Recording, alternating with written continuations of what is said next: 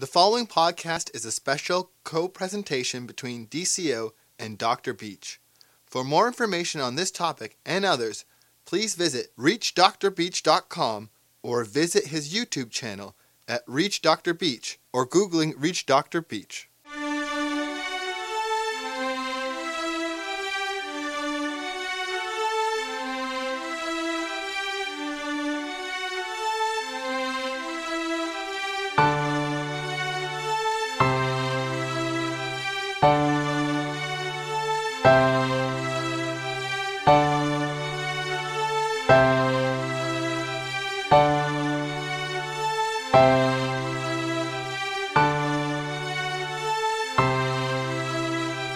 Hi, it's Dr. Beach, and today we're here with Limerick. Hi, Limerick. Nice to meet you, Dr. Beach. So nice to meet you too.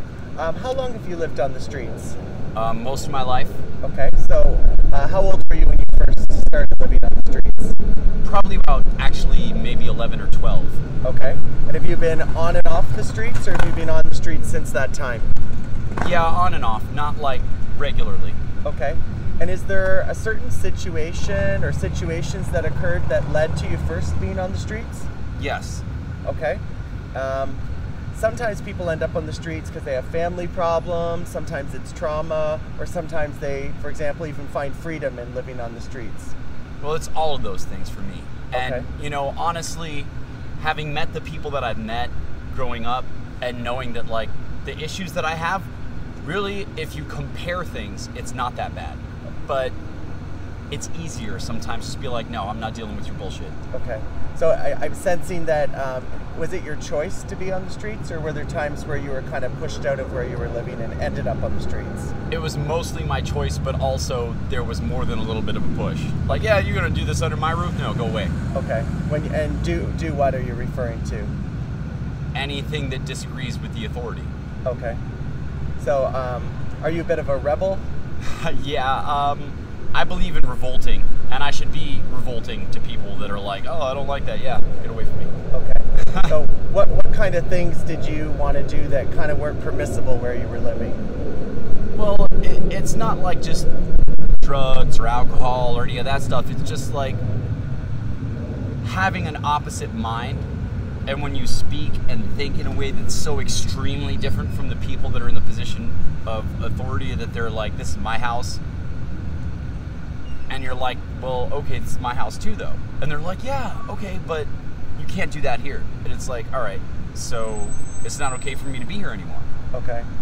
Uh, any examples of what kind of things you wanted to do that weren't kind of permissible where you were I, living? I'd really rather not talk about Okay. that because I think that that is part of targeting a demographic based on things that aren't aren't really the issue. Okay.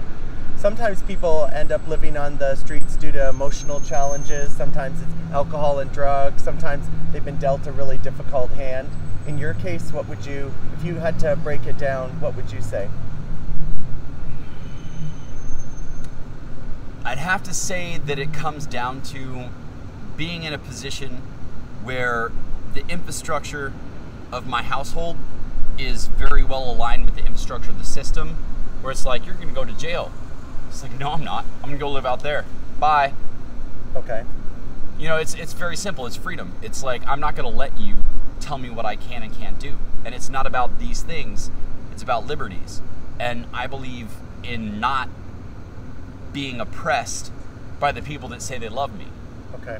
So you mentioned freedom. Do you find there's a, a freedom in living on the streets? I find there's a freedom in living outside in general.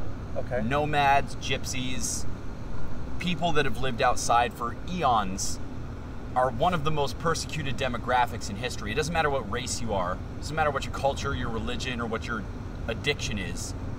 If you live outside, you're persecuted. Okay.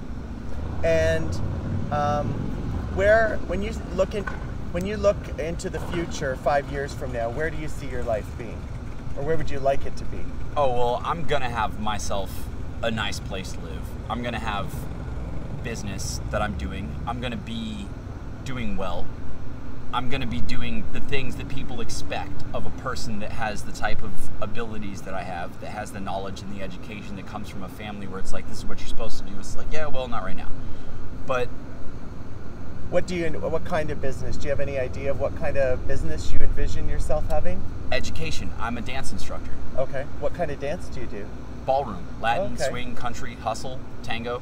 Wow, that's I've, impressive. I've been doing it from since 2006. And how did you get into that? My mom. Your mom was she a dancer or she yeah, likes dance? she was also a dance instructor. Mhm. And does your family still uh, live in Arizona? Yes, they do. Okay. And do you have any family that live here in California? Not that I know of, but there there might be some. I don't know. My my family is complicated. Okay. You know, there's for whatever reason it is, there's a lot of like, shh, don't talk about those people. You know, and I get it. The world is a messed up place.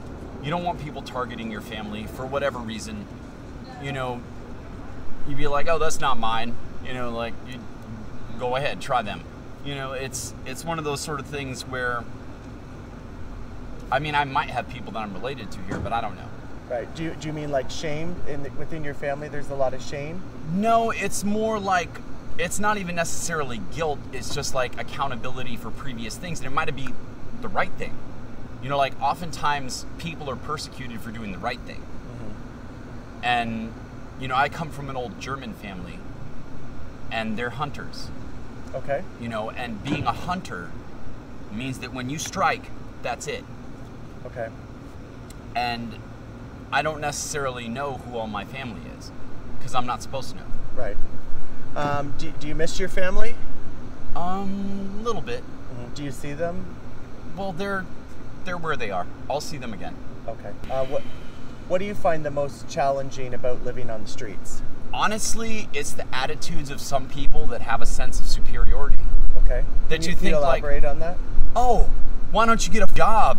Or blah blah blah about you being and it's like, um, I've had a job. I work 12 hours a day, six days a week at a car wash since I was 13. I live out here for my own reasons. I don't even explain myself to you. I'm a grown man. People have a lot of assumptions, right? Yeah, they they'd be like, "Oh, well, you're this person." Like, no, I'm not this person. I'm not that person. I'm not one of these other persons. My name isn't homeless. Right, My it's name is Limerick. It's not your identity. No, and it's wrong. We're the most persecuted demographic on the planet, man. On the planet, on a global level. The people that are persecuted the most are the people that aren't buying into the housing industry, aren't buying and selling products, aren't part of whatever corporate bullshit you're a part of. They're doing whatever they're doing, taking care of their people, taking care of themselves, and they're like, "Oh, well, why don't why don't you play the game?" And it's like, "Oh, yeah, cuz you set it up for us to fail." Right. So what what would you want to tell people so that they could help people like you or in your situation? Like what do people not get that they need to get? I think that there is a significant lack of empathy and understanding and kindness where even people who want to offer something, it's like, well, what are you really giving me? And why? You know, and when it comes to offering someone something, being able, like, even if you work at a church or you do whatever volunteer work it, that you do, that you remember, like, I don't really know or understand what this person is going through. In fact, I can probably barely relate to it, even if, even if you've ever lived outside, even if you've ever been on the streets. That doesn't mean that you understand or can even relate to another person out here.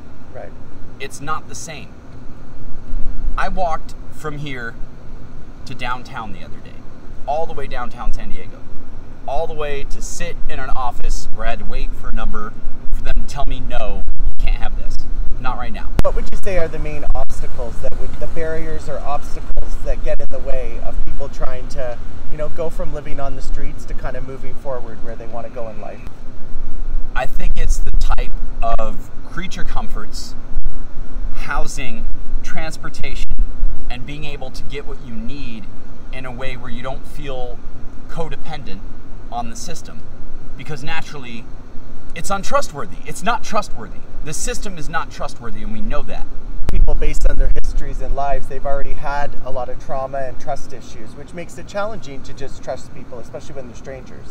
Well, yeah, and when you when you come from a background of maybe people beating you growing up, or dealing with being sexually assaulted from the time you're a child, or whatever it is, you know, there's things that happen that are part of reality, mm-hmm.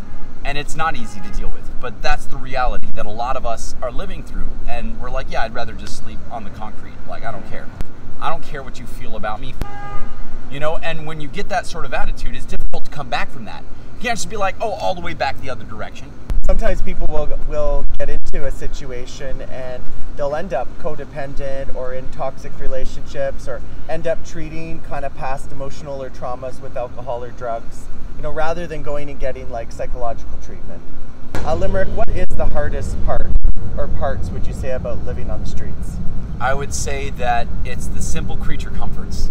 Make sure you stay warm. Make sure you stay fed. Make sure you take care of having to deal with your own excretions and not be like, oh no, like things happen. You know, you're not little babies in diapers. Uh, You got to take care of yourself. what, what about safety? Well, I mean, I got a knife in my pocket. If I had to use it, yes, I would. But, you know, it's one of those things where you should be able to disarm a person who wants to hurt you, even if they really want to hurt you. You should be able to disarm them with words. Just say, whoa, whoa, whoa. like to de-escalate a Stop. situation. So, uh, Limerick, you say that as a man, but of course there are also women who are on the streets, and I wonder kind of what your sense is of, of any differences there might be for women. I think for me personally, if you as a woman find yourself on the street, if you got to run away from home, if those people are that bad, whatever it is, learn to protect yourself. Mm-hmm. That's the first thing. That's like square one. And what, and- what about like a sense? And sense when of I, when I say that, when I say that, I mean understand the legal system, know what the law is, know how to dial 911 quick if you got a phone.